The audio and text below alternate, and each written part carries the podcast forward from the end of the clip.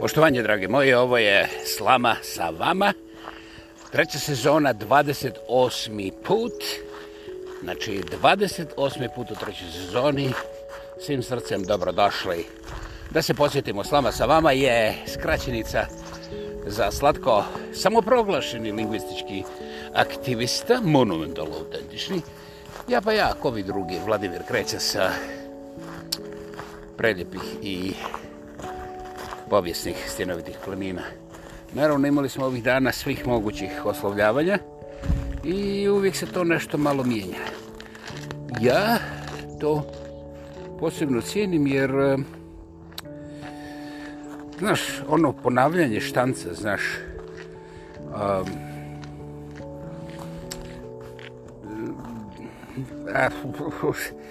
razmišljam, razmišljam, razmišljam nekada davno ja sam radio u radiju 70-ih, početkom 80-ih i onda imaš taj džingl koji se snima desetak dana, koji traje 15 do 45 sekundi maksimalno, to je mislim, već predugačko. I taj džingl ti kaže recimo osnovnu identifikaciju i prepoznavanje ovaj, emisije autora ili cijele radiostanice i ovaj, to je to. I onda ovaj deran u režiji, kad god ti podigneš prst, sasvim perfektno. Svaki put na isti način izgovori slama sa vama, na treća sezona. I sve tako i nema nikada greške. Eh, ne pitajte me zašto. Ja ne mogu objasniti, ali i ne pokušavam, jer meni je puno draže da ja ovako bez tih vrlo sposobnih derana u režiji, ovaj, tu nema nikakve sumnje, ne, ne mogu njima ništa pregovoriti, jer uh, ovi koji traže uniformnost i formu, vrlo jasno karaktera, oni zapravo traže efikasnost u vremenu, jer onda kao da ne razbacuju svoje vrijeme. To zvuči dosta dobro, to je onako baš korektno. Međutim, za udara. Oni bi kokodakali kao stare kokoši, uh, kada bi to donosilo jedan cent, jedan jedini cent više nego ova formula ovaj, tih završenih džinglova koji se onda rotiraju do besvesti kao jedan te isti vergl svako, u svaku doba. Naime, oni maksimiziraju svoje vrijeme u eteru i nema tu nikakvog poštovanja vašeg vremena, nego uh, načina kako se novac istisne brže i sa manje troška. Znači, suma sumarom istis, istiskivanje više novca nego ovim nekakvim mojim načinom, koji nije moj, koji je u stvari onako kako se ljudi ponašaju, jel? Međutim, koga briga kako se ljudi ponašaju ako biznis ne cvjeta? I eto, tako dolazimo do planetarnih novinarskih kuća, znači izvještavanja ovaj, o važnim, relevantnim činjenicama onoga što čini javnost javnošću, a to je prije svega najrazličitije izvjestiteljske medijske kuće, grupe i pojedinci diljem ove planete. I sve izgleda dobro. Ok, slažem se. Međutim, tek nakon godinu rata, danas sam prvi put pročitao u nekim novinama, pa onda kasnije verificirao u nekim drugim i trećim, da su grupa italijanskih novinara, pazite, grupa italijanskih novinara, bez obzira kako su oni slavni, važni i tako dalje, i dalje nije oficijalno asocijacija nacionalne izvještačke agencije Italije. Samo da se razumijemo, to je vrlo važan detalj. Ali grupa tih novinara koji imaju jasno prepoznatljivo ime i koji imaju veliko iskustvo, se odklonila u profesiju. Zamislite, oni su se usudili da kažu cijelom svijetu, naravno prije svega svoje drago Italiji, da ih je sramota kako ove glavne medijske kuće, ne govorimo ovim sporednima što ih nema, recimo kao što na primjer ja, koji ima, šta ne znam, 500-600 ljudi na liniji u najboljem danu, a na kraju mjeseca skupim jedva 4000 ljudi, znači o tome to ne postoji naravno. Ali oni govore sada vrlo jasnim rješnikom, grkim rješnikom i kažu, znate šta, ovo što mi vidimo, ovo, tobožnjem izvještavanju u i oko rata u Ukrajini nema nikakve veze sa novinarstvom, nema nikakve veze sa izvještavanjem javnosti. Ovo je brutalna propaganda koja evo, ovoga momenta slavi Treći svjetski rat, ovo sam ja dodao. Oni izrijekom nisu spomenuli Treći svjetski rat, oni su rekli globalni, ne znam kolika je razlika, ako se ratuje globalno, znaš, okolo cijele kugle, ili ako se ratuje samo okolo svijeta, pa ne znam, odmirite.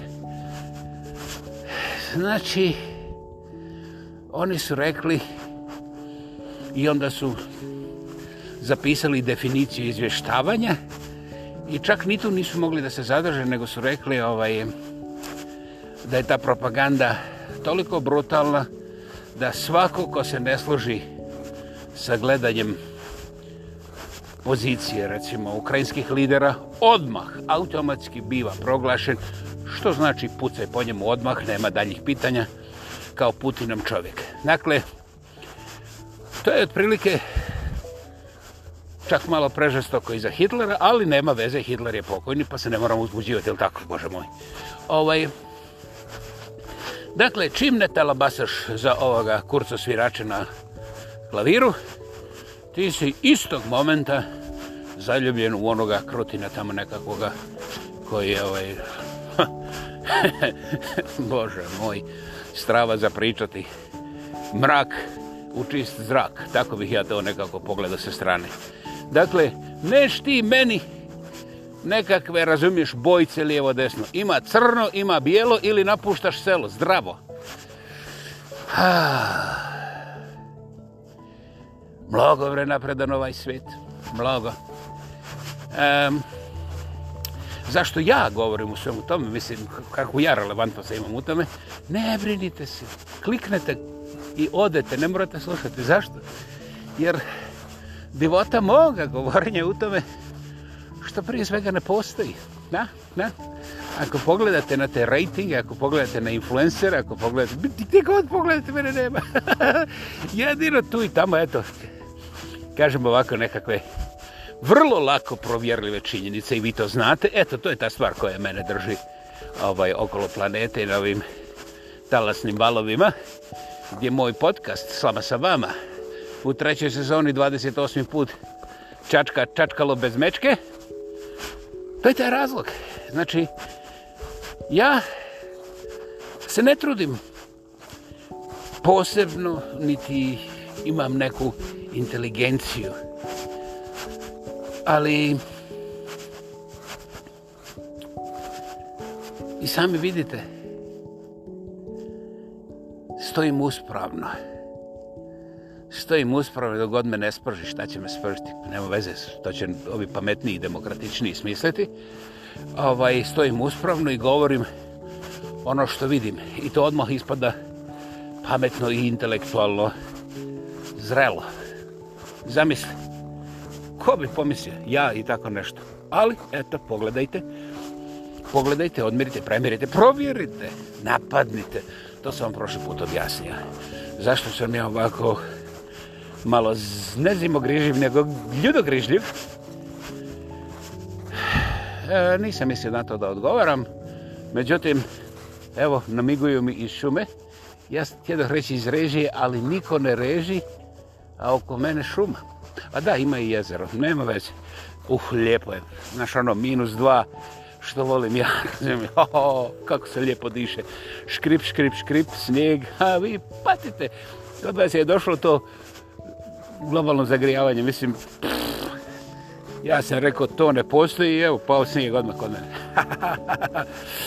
dakle, mi svi gledamo kako jedan senilan starac, e, slobodno nazovite me ovakvim ili onakvim imenima, ovaj, e, to je vaša volja, slobodno mi prišite ovakve ili onakve, Pst, ništa novo. Međutim, ja ću vam reći svojim rješnikom, pa možda i razmislite o toj mogućnosti, kada ja gledam na ovu baju od ne bake, koja je zapravo jebeška, kažu da je muški, a na čelu najveće i najdemokratske demokratske od svih demokracija na demokracijama u svijetu, koji su u zadnjih 50 godina pobili manje od 60 miliona ljudi okolo planete, a koji predsjesno zna kakav je krvnik ovaj tamo krutin, I mislim sve to, ja to ne, ni slučajno ne bi ovaj, ov, te stavlja to pod upitnik. Ne, ne, ne, ne, ne. Međutim, moj čača je bio vrlo zdrav čovjek i umro je u njegovim godinama. Onako, nije se bavio politikom, koliko god ja njega ne volio, mislim toga moga ćaču, a ne volio ga nisam zbog politike, nego zbog nekih privatnih, personalnih stvari o kojima sam ja tu i tamo koliko dakle i pisao. Dakle, moj stari je nije dirao nikakav alkohol, nije se prežderao, kao na primjer ja, tu sam ja na primjer talena, to je ovaj, toliko nepoznato da je oko mene mrak, čim se pojavi, koja prikolica čvaraka u okolici. Ali, ono što sam naslijedio od mog starog je ovaj, nepretirivanje. Nisam to naslijedio, to sam baš onako usuprotno, da mu pokažem zube. Mislim, neće meni neki starkelj odrađivati šta je mjera i mislim šta je i mislim i to tako dalje. Mislim, nećemo sad da ne bi odavao strategijske podatke. Znači, mjera meni nije bila jača strana, evo vidite i brbljam, e, bla, bla, bla, bla, bla, još ima, tek smo na 11. minutu, bit će još možda i 9 i 10 ovaj, minuta. Taj moj otac je, znači nikad u životu nije dirao alkohol, bio je umjeren, bio je lugar, znači bio je stalno u šumama, evo imen u šumi. I boga mi, osjećam se dobro u šumi. Znaš, ima jedna gospođa u Beču, ona je kao književnica i sociološki radnik, To je gospođa koja je u mojoj 67. godini otkrila da sam ja četnička baza za ove svjetske četničke akcije pod stinovitim planinama. Gospođa koju sam ja stvarno oduševljeno gledao kako se bori kontra raka. Čim je ozdravila, počela je da balega nesnošljivo i neshvatljivo. I mene uopće nije briga da li ona mene vidi kao četnika ovaj, jer imam ja tih nekih četki, na primjer, imam jednu za ovaj, imam jednu, mislim imam više za cipele, ali imam jednu, znaš, u sudoperu, znaš, imam jednu onako, pa onda ne moram da kvasim ruke, onda, znaš, znači ja jesam četnik, ja ne znam zašto je toj gospođi trebalo pet godina baleganja da bi me napala, ovaj, jer ona brani, neka ona je nagovorila neke ugledne, um, karaktere, neću njihove imena spomenuti, da me sklone sa svojih e, lista prijatelja gore na tim društvenim mrežama, što nije nešto strašno, ali smrdi. Ja ne volim kad smrdi, znaš. I onda, u jednom pismu, znaš, onako kao intelektualo, ona meni kaže, ti nisi priznao našem prijatelju Ibri da su njega tvoji, ti Četomir, jel, Četomir dodajem ja, nego ti tvoji, jer, jer ja ne vidim da bi neki normalan čovjek ili neka normalna vojska izbacila bilo koga, ne samo Ibru iz njegove kuće, pogledajte Ukrajinu. Mislim, ja sam od prvog momenta bio iritiran i ovdje sam milijon puta govorio, ako neko dođe sa tenkom u nečiju kuću ili nečiju državu, nema opravdanja. Zaboravite sve politike, zaboravite sve račune, zaboravite sve što hoćete. Ja sam vrlo jasan, ja sam rekao, dođeš sa tenkom, znači upotrebio si vojsku da dođeš u zemlju i na adresu koja ti ne pripada. Mislim, po svim važećim međunarodnim ugovorom i stanju, situaciju međunarodnim tim nekakvim odnosima. Toga momenta ti postaješ kriminalac. Pitanje je samo koliko ćeš duboko i žistoko nastaviti tim pravcem. Razumiš? I onda meni kažu kao, ja nisam dovoljno osudio Krutina i ove njegove. Odjebi! Ja kada trebam zalogaj kruva, kada trebam da operem gaće, jer živim sam već sedam godina, niko me ne pita, jeli, jesi ti pojao juhu ovoga cijeloga mjeseca, mislim, jeli ovoga, kako je biti sam za Božić, za rođendan, za... Molim lijepo, to niko ne radi. Ali, istog momenta se zna, Can, can I steal your dog? Sure. Deal. Puppy. Hey, don't worry. Don't worry. Don't worry. Oh. Don't worry. Okay. I'm I'm in mad love with dogs and I love to see them. Thank you.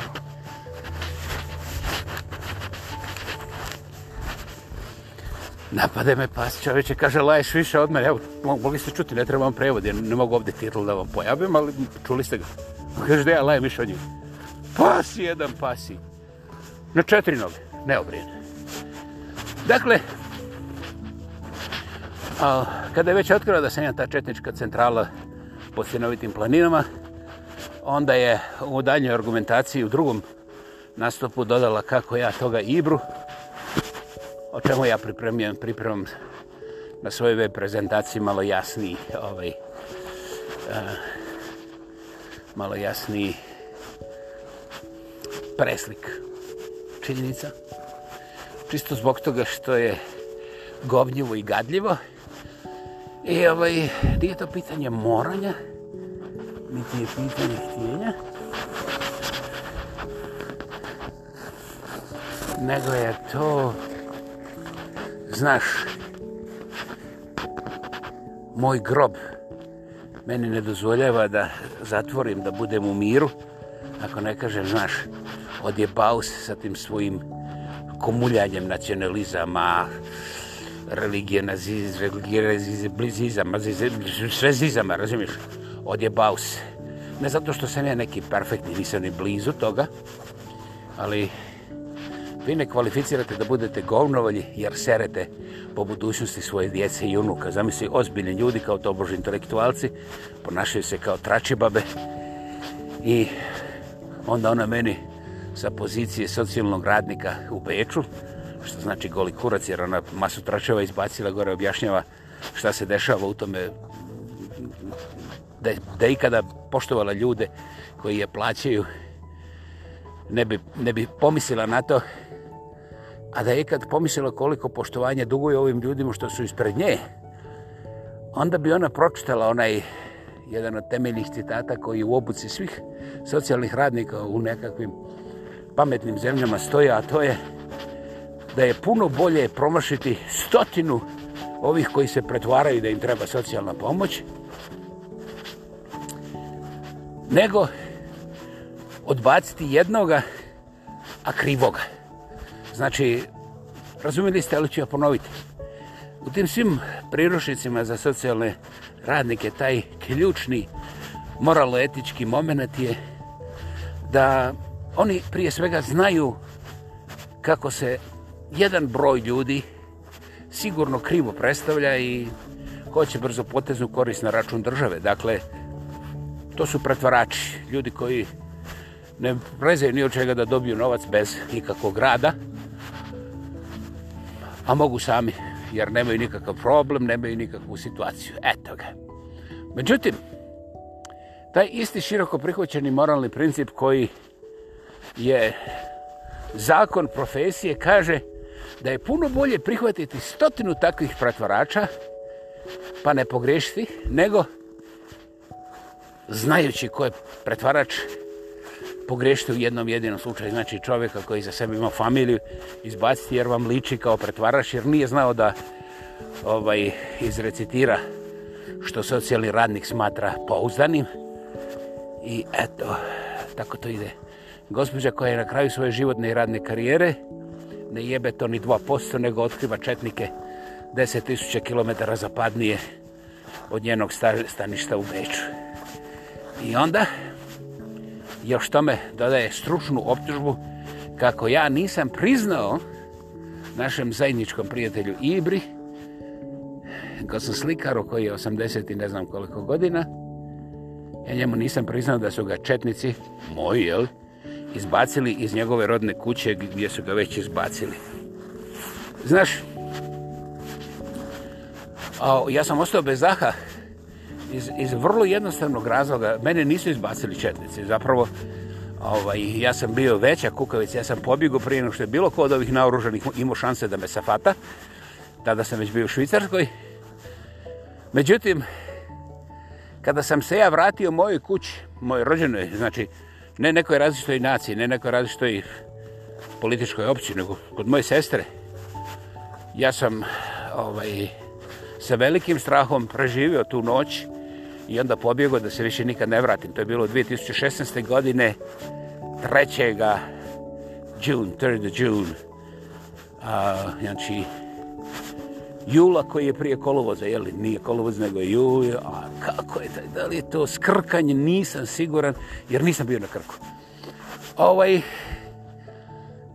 i bilo mi je vrlo jasno, ovaj, da mi ni Ibron i ova jedna mediha ne mogu ništa, ali da me glave na jedan govnjiv način može doći sestra i njen komšija koji, eto, čeka da mi se napije krvi jer moja sestra je pripremila teren u kome je bilo jasno, ali ne da sam četnik nego da sam ustaša.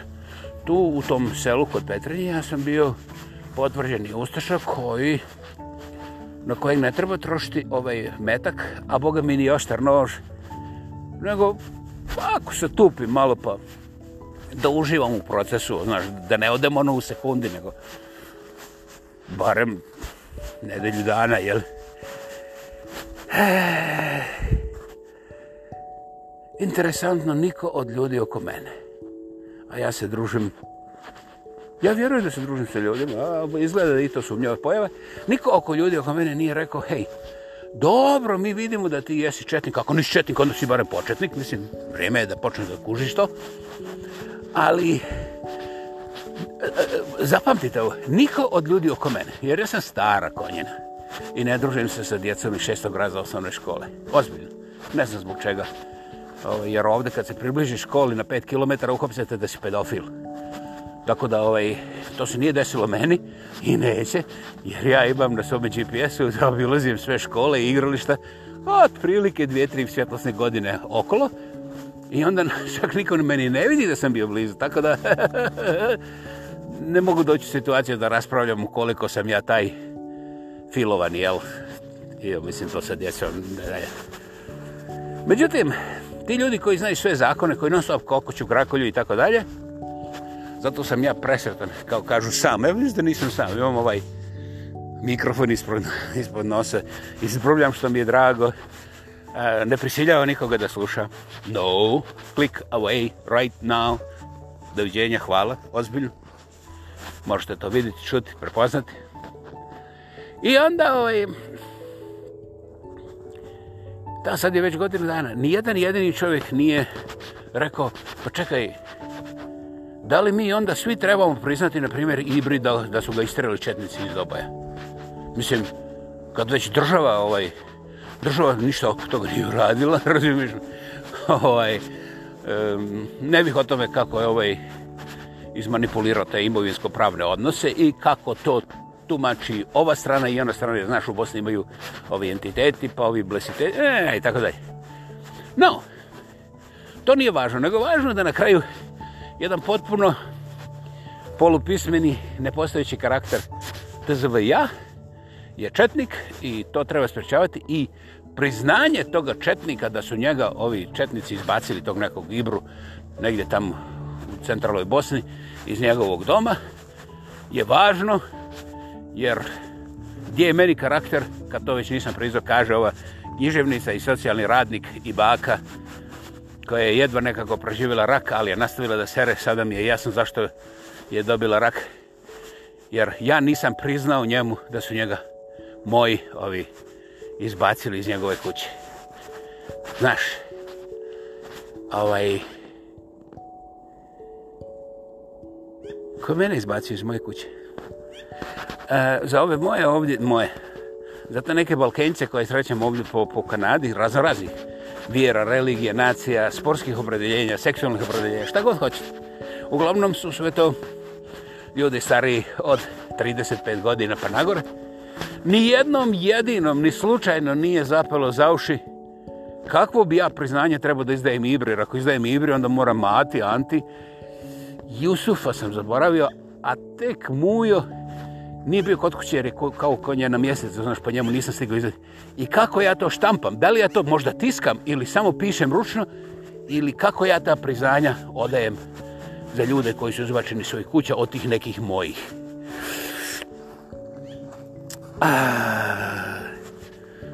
Naš književnica, ponosna književnica, ponosna baka, socijalni radnik koji se sproda sa nesrećom ljudi koji stoji ispred nje i mole za pomoć, ona zna koliko je njih pretvornih. U što ja ne sumnjam. U što ja ne sumnjam, jer ako je čitala bilo koji učbenik o socijalnom ovom, e, procesu, ra, e, procesu socijalnih tih pomoći, tamo vrlo jasno piše da ovaj zavisno od toga kakve su ekonomske prilike u, širem društ, u široj društvenoj zajednici, u ovom cijelom zapadnom svijetu, znači mi govorimo o zapadnoj Europi i Sjevernoj Americi, fake, znači prijetvorni ti a, e, tražitelji socijalne pomoći, narastu nevjerovatno od nekih 3 do 5%, pa čak do 30%. Dakle, ako je ona ikad išla u školu za tog socijalnog radnika, onda je znala da od desetorice kažu učbenice da trojica vrlo lako su fake. I zašto ti onda to meni objašnjavaš? Ne znam. Ovo, šta želiš reći da kad budem dolazio kod tebe po socijalnu pomoć, da ću, šta, morati doniti priznanicu Ibri, kako ja priznam da su ga moji izbacili. Um, nije tužno, nije smiješno, ali potpuno se pojavljuje ta linija, medihine linija u uh, svim ovim takozvanim suvremenim medijima Sjeverne Amerike i cijele Zapadne Evrope, a to je, hej, ako ne talambasaš da je Krutin zločinac i ako nisi vrlo glasan da te čuju svi, pa i Krutin, bože moj, onda si ti automatski kontra Ukrajine i svaki napad na tebe, bez obzira koliko podao mučki i besmisao bio, je blagoslov u ime Ukrajine, slava Ukrajini, mi ćemo pobjediti.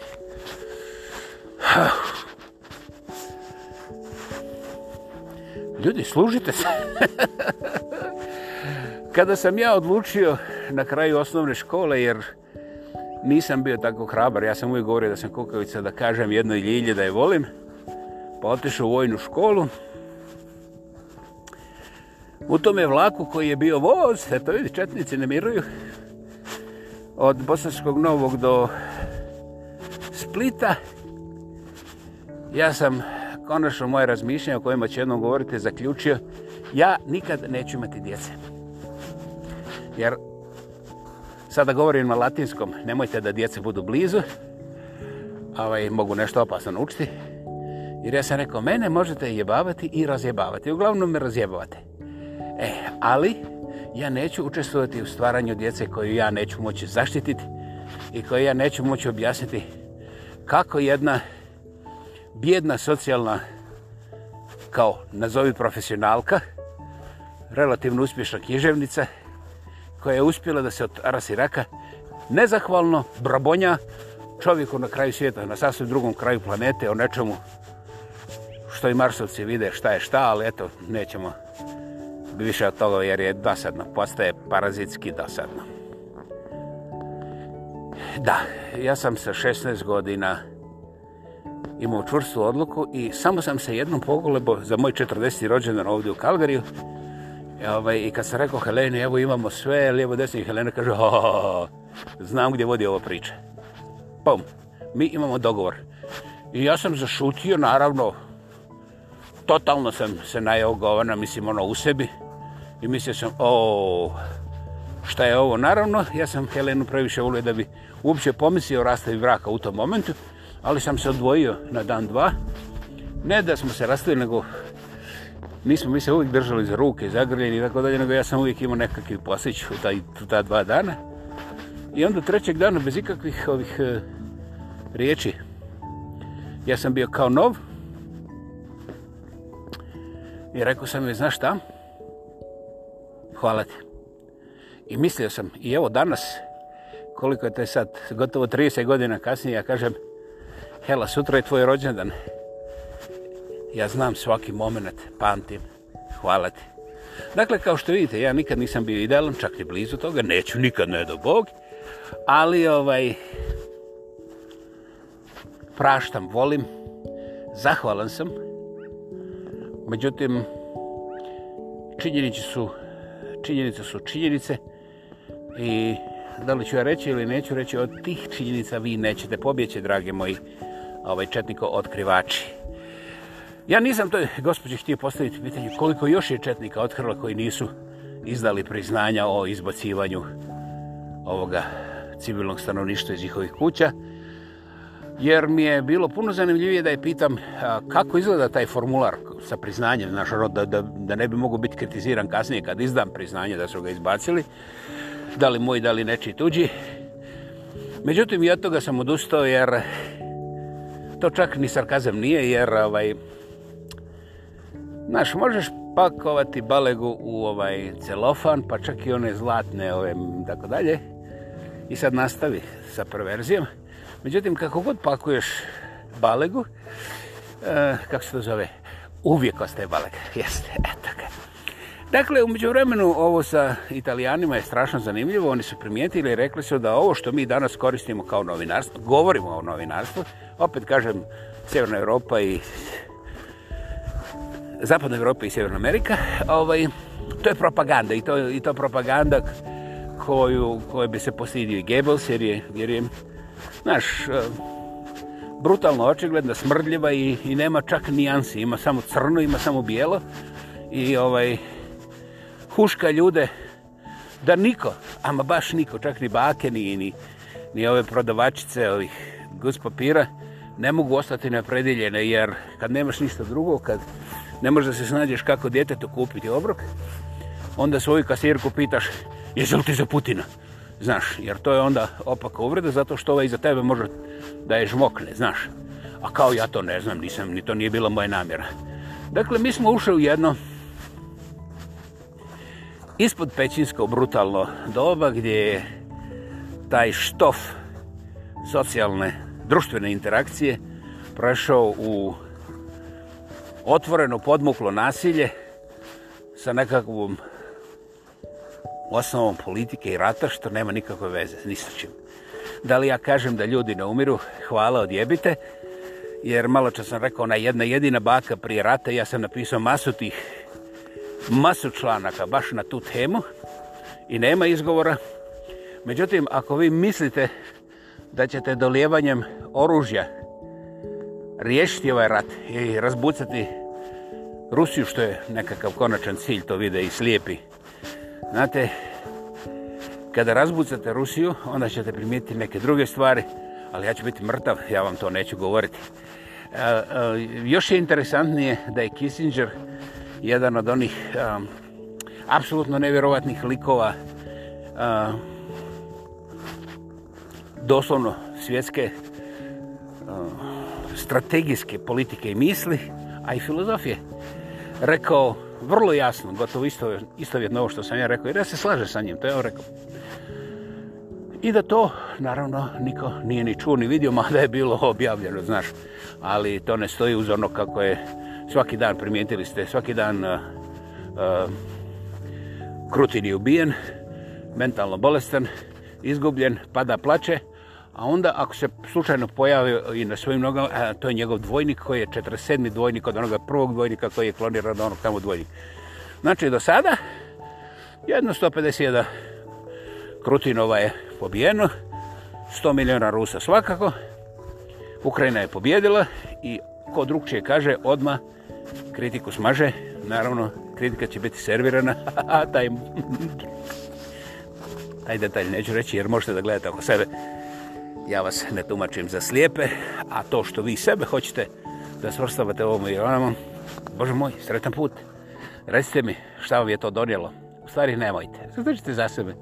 Jer šta ja znam, nisam ja za te visine nekih morala, pobjeda, pravde i tako dalje. Ja, ja sam ovdje negdje na zemlji, znaš, ovdje, dobro, ne baš na zemlji, malo zamrznuto. Dakle, za kraj bih rekao samo dvije stvari. Taj moj otac je umr, znači, u 82. godini i ovaj, živio je po šumama, živio je na zdravom životu, nije nikad pio, nije, nije bio ovisnik o šećeru, na primjer, kao ja. I ovaj, zadnjih 4-5 godina, onako kao stari čovjek pamćenje ga nije baš služilo najbolje i ovaj bez obzira što je bio zdrav nije mogao da igra nogomet ani futbal niti je trčao okolo nego ujutro je naveče izađe u kraću šetnju i eto to je to a ovaj drugi što je najdemokratski demokrata demokratske demokracije od koje nema demokratske on je stariji od moga oca i ovaj on jadan nema djeci za ekskurziju, pa mora da se kandiduje za još jedan term predsjednički, ovo je najveća nacija demokracije i demokracija koja je demokratska. Ja gledam 350 miliona tih demokratskih demokrata i naravno, pošto sam ja malo ovako deplasirani, možda čak i retardiran, ko bi to znao, ja ne mogu da shvatim da 350 miliona ljudi, oni nemaju nikoga osim senilnog starca koji pojma nema gdje se nalazi, ovaj, pogledajte na televiziji, moramo ima četvora ljudi da mu pokažu jedan jedini izlaz. Inače se izgubi. ovaj, a isto vremeno zna da pošalje 120 milijarde dolara razornog eksploziva na front. Uh, samo uzmite jedan potez, na primjer, neki tamo buli, maltretiraju vašega sina na, gla, na gra, uh, u toj gradskoj školi tamo i vi onda dođete sinu, i date mu jedan uzi ovako i onda još e, deseta kila ovoga, tih metkova i malo C4, znaš, to je ona eksplozija koja je, znaš, kao, kao špekula mali, a možda, možda razbije autobus. I date mu jedan džep, ne više, ne, jedan džep. I onda mu date još ovaj, ovaj neki za navođenje, ako ove sve promaši, znaš, neki, taj neki koji eksplodira, pa onda baca razno razne, mislim, ovakve ili onakve. I, brate, onda, ako ništa ne pali, do razruši školu. Ja nisam vidio ko je tako rješavao ovaj e, sukob svoga djeteta sa ovim neosporno bulima, znači ljudima koji su neprihvatljivi. Nego ovaj čak i sa bulijima se pokušavaju neke metode prije nego što se upali eksploziv ili otvori rafalna paljba. Na kraju krajeva ja sam čuo da postoji knjiga koja je stara 2000 godina, neki je zovu Biblija, neki Bilvija, šta ja znam, otkud meni to su. I u toj knjizi ovaj, piše dosta toga, a moja baka je meni ugovorila, kaže, sine, puno je bolje ispeći pa reći nego bubnuti. Pa onda ne treba ti rat, jer i onaj s druge strane ti je brat. Biblija, nisam ja, nemojte mene petljati, to je nisam ja.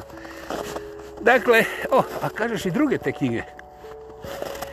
Mislim, religijske, aha, okej. Okay. Dakle, ovi su skrpali dobro oružje i ovaj, u ovom momentu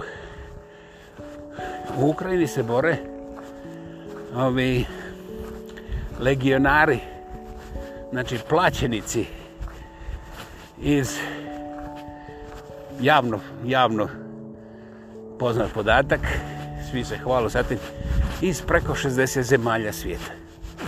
Pa sad uzmite da je svaki poslo 5-6 od tih, sad uzmite ovaj, šta se tu dešava, što meni nije zanimljivo. Sa druge strane,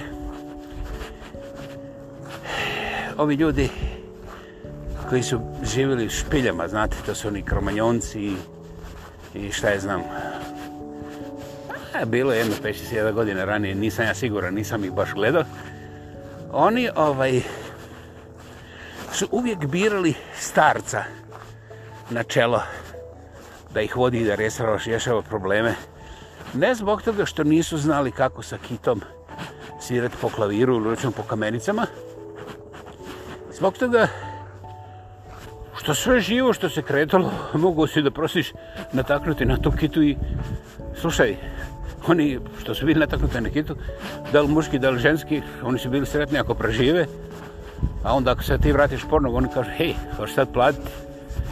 Najzbiljnije, kromanjonci, pitajte ih.